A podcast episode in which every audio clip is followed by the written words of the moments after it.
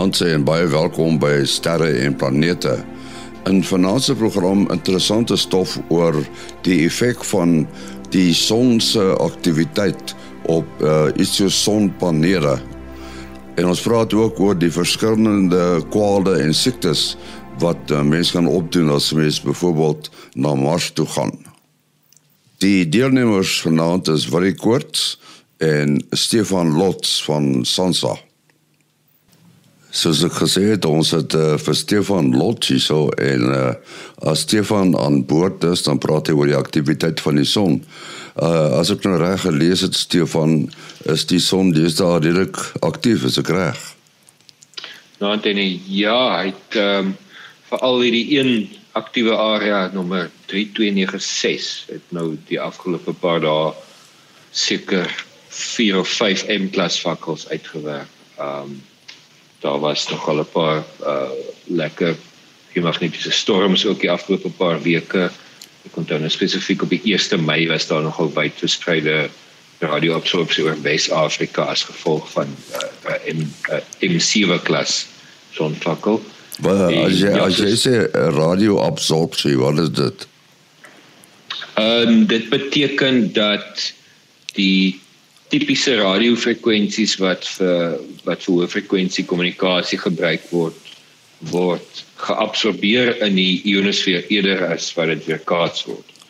So uh, in plaas daarvan dat hierdie die dat dat jy die sein kan weerkaats van die soort van die plafon wat die ionosfeer maak um om oor die horison te kommunikeer of om deur die ionosfeer te te te send na 'n uh, te stuur na 'n uh, satelliet byvoorbeeld toe word hierdie golwe geabsorbeer deur die atmosfeer, deur die ionosfeer en dis misluk daai kommunikasie.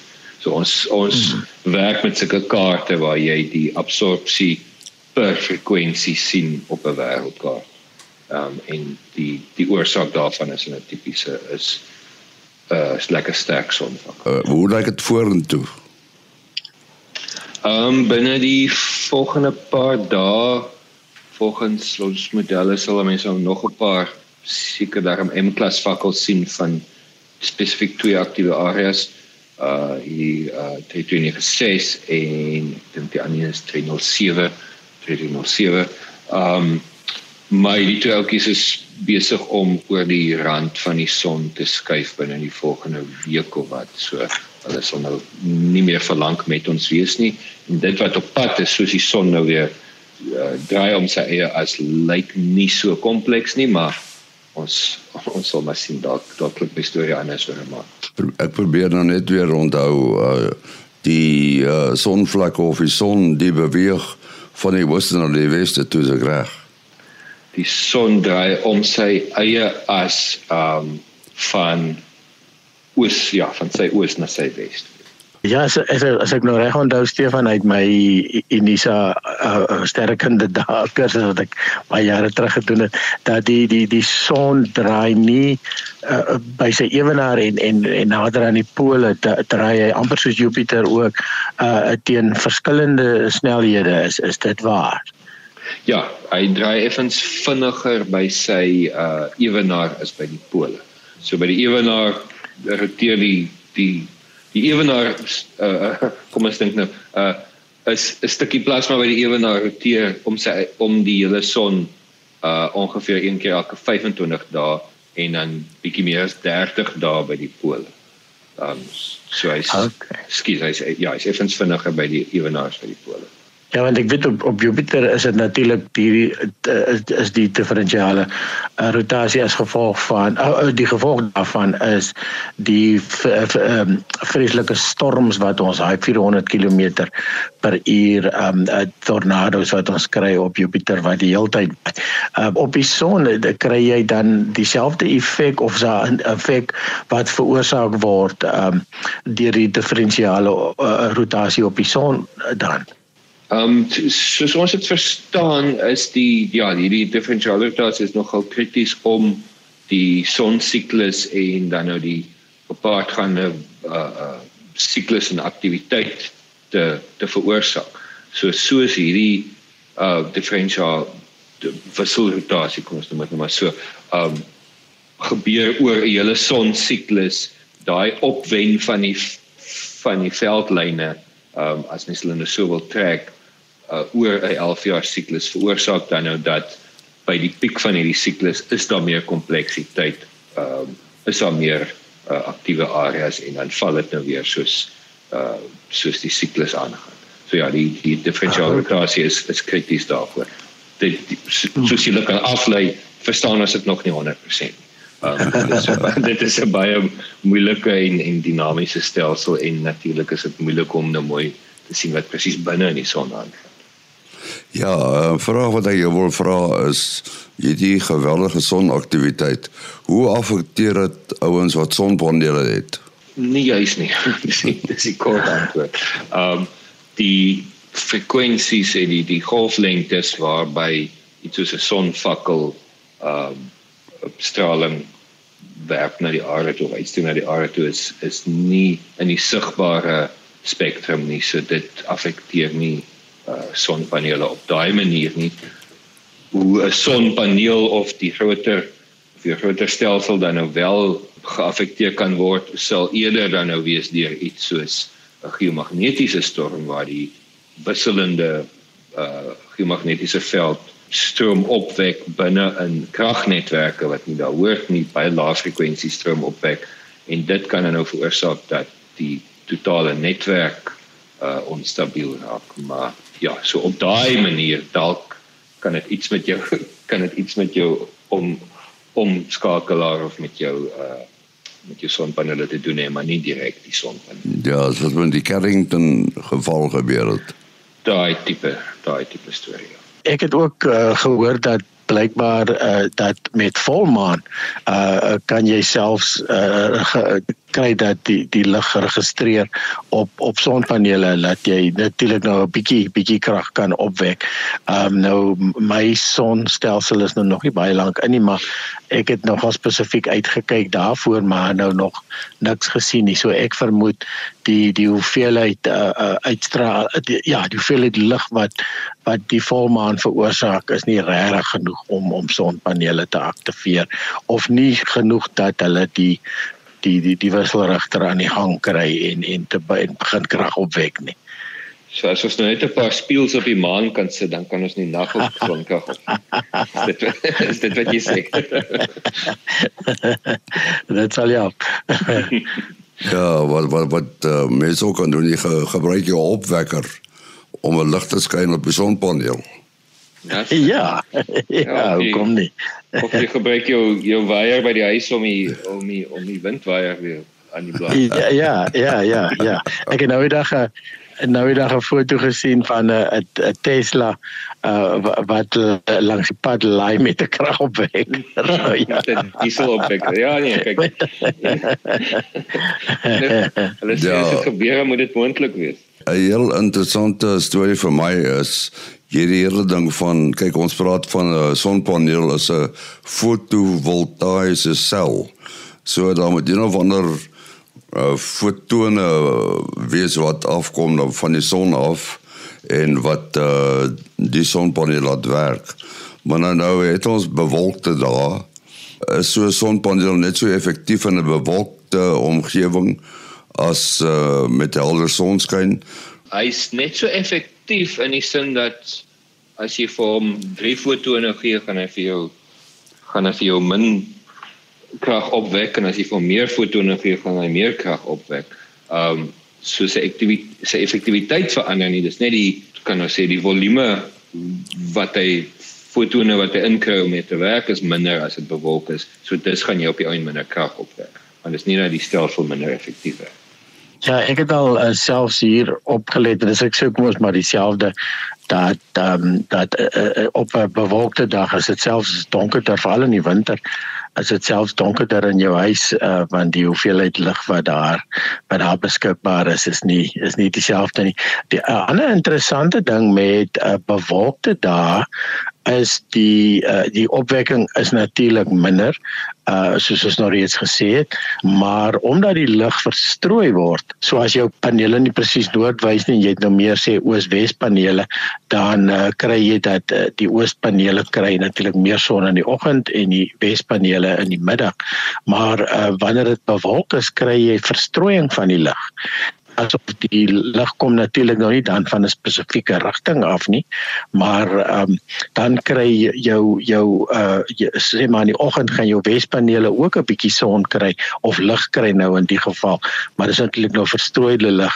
Die ander ding van sonpanele is natuurlik meer effektief as hulle koel is uh eintlik uh, as jy 'n sonpaneel kan yskoud hou uh, gaan hy baie meer effektief raak en jy sien dit op 'n bewolkte dag um die as die son skielik deurbreek dan dan sien jy is dit of hulle skielik baie krag opwek en dan soos hulle warm word van die son dan dan dan uh, gaan die opwekking weer 'n bietjie af. So ja, is 'n lekker lekker eksperiment om om panele te opte. Ja, ek dink vir my na teenstrydigheid. ja, ja, dit is dit is ongelukkig as as sonpaneel, as jy kon sonpanele koel hou, gaan hulle baie meer effektief wees as as wanneer die son hulle warm bak en en ongelukkig is dit nie is die is dit presiese teenstrydigheid soos jy sê. Dit dalk nou deel van die aantrekking of of of uh deel van die effektiwiteit om die sonpanele bo waterkanale te sit. Ek dink daar so 'n projek in Indië ehm um, waar die panele okay. dan nou net bietjie bietjie koeler gehou word omdat hierdie kom water onder hulle deurvloei. Ehm um, okay. En en dit stop dan nou ook weer verdamping van daai water. So dis dis nogal 'n 'n mooi uitgewerkte projek daai dink ek. Ja, ja, ja. ja. Sonpanele voorsien natuurlik vir jou skaduwee in jou huis. So ja. jou dak, jou dak raak nie meer so warm in die somer nie. Mm. Maar nou ja, nou raak die panele weer warm. Ja. Uh wat die uh, ons het uh epos gekry van uh Tyrone Nieuwoud wat 'n interessante uh foto gesien het. Het jy na hierdie foto gekyk? Ja, dis reg. Hy het die foto op met 'n kamera geneem op 'n driepoot en hy sê dit was by die Tilbagse berge gewees en ehm um, nou op die foto is daar so 'n rooi kring Ehm um, dis daar's nou sien die sterretjies het mooi uitgekom en dan is daar so um, um, eintlik so strale kraansie van van rooi lig. Hy sê in sy brief dat hy vermoed dit is lens flare. Nou pr presies seker wat is mooi Afrikaans vir lens flare nie, maar dit is uh, wanneer jy intern weerkaatsing in die lens kry uh, as gevolg van 'n skerp lig wat wat op die kant van die foto is. Partymal in die foto self as jy byvoorbeeld met jou selfoon in die son gaan inneem, dan gaan jy sien daar is so 'n kolletjie wat altyd uitkom in jou fotos. Maar baie mense sê dit is een of ander planeet wat naby die son is of so, wat natuurlik uit die aard van die saak nie kan wees nie omdat die son is net baie baie ver te helder. Ehm um, maar ek het toe die foto gevat en hom en hom 'n bietjie uh ligter gemaak uh, en en ek sien in die onderkant van die foto is daar iets wat rooi skyn en dan rondom hierdie snaakse straalekransie is daar baie groen wat nou so half in die agtergrond uitkom hierso. So uh, het, uh maar dit is baie moeilik om om te sê en, en ek vermoed soos hy nou sê daar was dalk 'n lig aan die kant wat nou nie op die foto self is nie. Uh wat dan in die we, in die lens weer kaats sit en 'n kamera lens gaan jy dit baie makliker self sien as in 'n selfoon se lensie omdat 'n kamera lens is groter en hy het meer elemente. Uh tipiese kamera lens het, het 6 uh, elemente wat ons noem 6 lense altesaam wat uh uh wat die lens opmaak en en dat dit dalk 'n lig was wat van die kant af maar ja dit is moeilik om om so uit die wyse te sê en en ek dink hy het eintlik sy eie vraag hier geantwoord en en ek stem saam met hom ja. Stefan ek wil net vir jou vra uh as ons kyk na die ontwikkeling op die gebied van sonweervoorspelling sou jy dit gelykstel aan ander uh, ruimtenavorsing? Ek praat oor van die tegnologiese ontwikkeling dis 'n daar's 'n lekker wisselwerking. Um die as ons praat van ruimtenavorsing dan dink mens seker maar eers aan aan sterrekunde en die die doel van sterrekunde is om kennis uit te brei. Daar's tipies nie 'n 'n toepassing nie waar as ons van ruimtefisika praat wat dan nou tipies eindig by die son. So as kyk net na daai een ster, ons kyk nie na die ander lot nie. Ja, daar is 'n groot komponent van net tipiese akademiese navorsing in die sin dat ons ons doen nie navorsing want ons wil weet, uh, maar daar is ook 'n baie groot komponent van van uh van uh, uh toepassings. So die die goed waar ek elke week praat waar ons voorspellings vir die weermag of vir die vloot of vir die lot doen.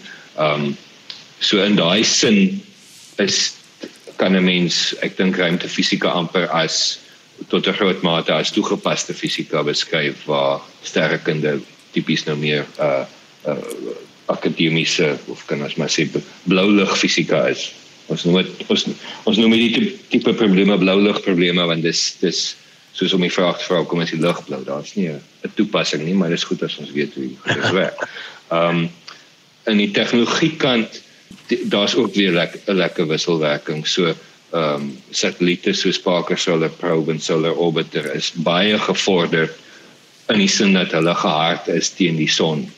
Ehm um, want hulle kom nou baie naby aan die son in dieselfde manier dat James Webb nou weer gehard is vir die buitenste ruimte en vir baie baie koud en hy moet baie mooi kan fokus en al die goed word kan ons nou maar iets so Parker Solar Probe ook beskryf as as baie gesofistikeerd in 'n tegnologiese sin maar of vir heel ander redes en en op 'n heel ander manier. Um ek dink nou aan baie van hierdie tradisionele sonteleskope. Ek was destyds by um nou wil ek vanaand dink wat is die plek se naam in in in um Arizona, nee, in New Mexico. Daar is 'n groot sterrewag wat 'n uh, 'n uh, 'n massiewe ou sonteleskoop gehad het wat ehm um, die ding het 'n lang buis wat uh, uh, tot onder die grond gaan en vakuum word gepomp en en um, en en dit het my nogal laat dink aan die uh wetenskaplikes by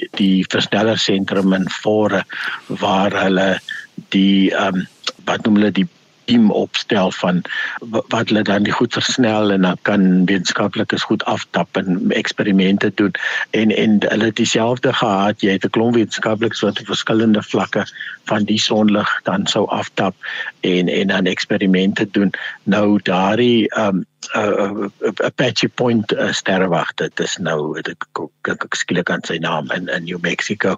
En uh, nou die dag toe verstaan ek nie daai sonteleskoop is nou lankal toegemaak maar ek neem aan wat jy nou gesê het van Parker en al hierdie ruimte sonteleskope dat dat hulle het uh, juist die werk oorgevat wat tradisioneel gedoen was deur deur die ou tydse uh, uh, sonteleskope wat jy op aarde gekry het nie waar nie Ja, tot 'n groot mate. Ehm um, as jy jou teleskoop op die aarde het jy nou altyd hierdie lens van die van die atmosfeer waardeur jy yes. alles beskou. Um, en op dieselfde manier as jy die dinge nou net buite die die die reikwyte van die van die atmosfeer of die of die aarde se magneetveld dan nou sit, dan meet jy nou weer baie baie meer effektief. Ehm um, wat Parker Solar Probe en die ouens nou anders met ja, die satelliete nou anders doen is dit is wat ons noem in situ meting. So hy meet die sonwind binne in die sonwind. Hy hy meet die son se hmm. korona binne in die son se korona. So dit is nou weer nog 'n ehm um, nog 'n vlak verder waar weet James Webb kan nou nie binne 'n ster gaan sit en, en goed meet nie, maar die maar Parker Solar Probe kan kan daar binne in die korona gaan sit en dit is ook 'n hele vertakking van van van 'n uh, uh, uh, sterrekunde nie net spesifiek son nie want dit is dieselfde goed gebeur in sterre. Is in Sutherland is daar een van 6 stasies reg om die wêreld en die ding se naam is Bison. Um Birmingham Solar Oscillation Network. Nou die Amerikaanse gong was destyds uh, uh met groot fanfare afgekondig. Eintlik hierdie is 'n Britse stelsel en hulle het nou al lank uh, dieselfde wetenskap baie beter gedoen en baie langer al, maar hulle het nou net nie soveel uh um uh, uh, nuusmedia daar aangekoppel nie, maar uh, uh, uh en daarso kyk jy dan deur die oscillasies wat jy op die oppervlak van die son sien.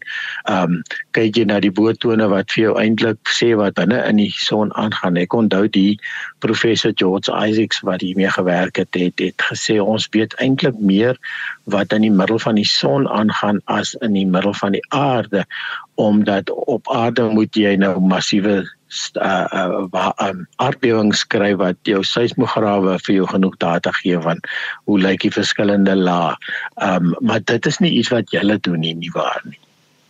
Um nie direk hier by by Sansa nie ons ons gebruik nou maar daai kennis van wat hierdie ouens aflei van wat wat hulle noem helioseismologie. So mens yes. jy jy jy het nou net genoem van die aardbewings en die seismograwe. So dis dis eintlik maar wat wat daai uh subveld van van sonfisika doen. So nee, ons ons het nie direk daarmee te doen nie, maar ons ons gebruik hulle kennis. Wat jy net 'n heel kort uh, vraagie, dit gaan oor 'n vraag van Andre Lourens. En ons het uh, al daaroor gepraat Andre Lourens van Centurion oor die effekte as 'n mens na Mars toe gaan, wat dit met jou lyf gaan doen en uh, of mense ooit sal kan terugkom.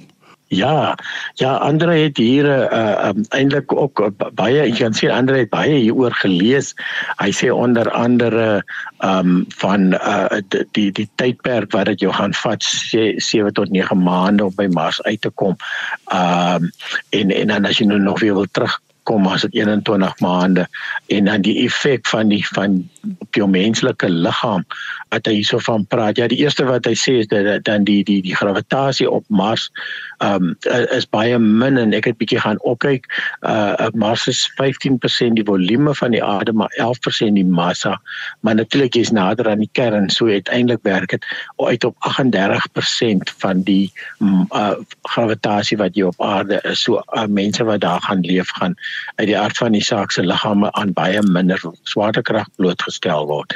En ehm um, en dit gaan natuurlik vir jou uh, probleme gee met beendigtheid en en al die siektes waar wat daarmee saamgaan as jou beenstruktuur begin begin disintegreer. So uit die aard van die saak die die dieselfde en hy noem ook hierso Scott Kelly wat nou nou sukkel na minder as 'n jaar in die ruimte as as gevolg van die ehm um, die probleem van min swaartekrag. Nou eh, die, die ruimtestasie is natuurlik 'n goeie 'n toetsveld vir baie van hierdie goeters en en dit is ook hoekom hulle meer as 2 ure 'n dag aan aan aan aan oefeninge uh, blootgestel word. Dit uit die hart van die saak gaan net jou jou spiere oefen, maar hulle het ook van die goed ontwerp dat jy bietjie impak kry om om jou beenstruktuur ook ook in in stand te hou.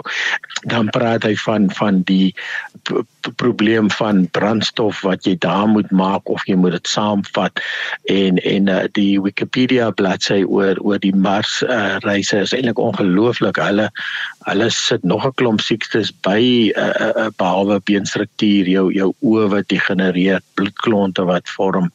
Uh so dit is 'n ongelooflike en dan natuurlik die tegnologiese probleme.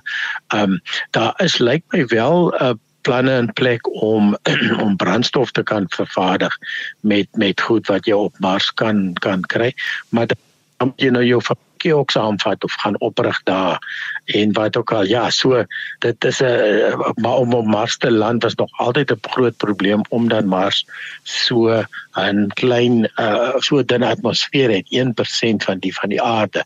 So jy, jy moet um, brandstof gebruik om jouself uh, op spoed te kry soontoe om nie jou reis te lank te maak nie.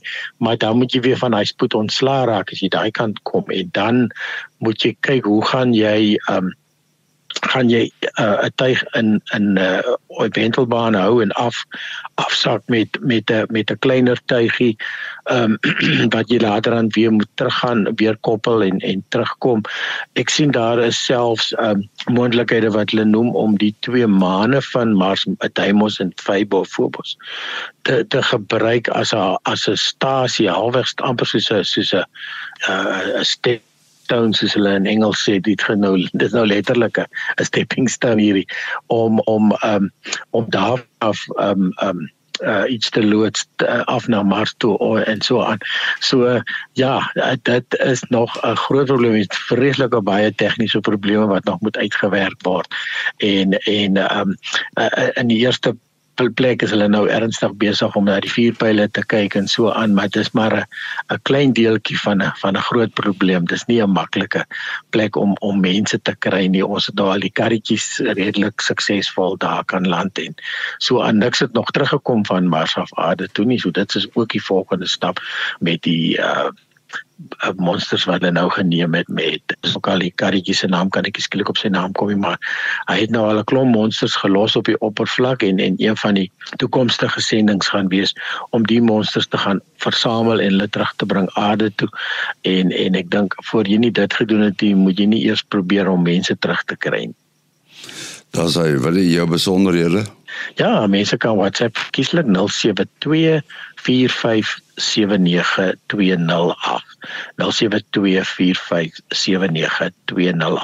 En uh, Stefan?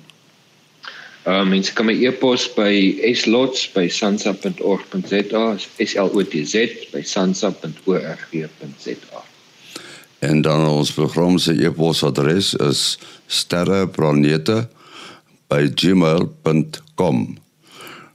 sterreplanete@gmail.com sterreplanete@gmail.com tot volgende week. Alles van die beste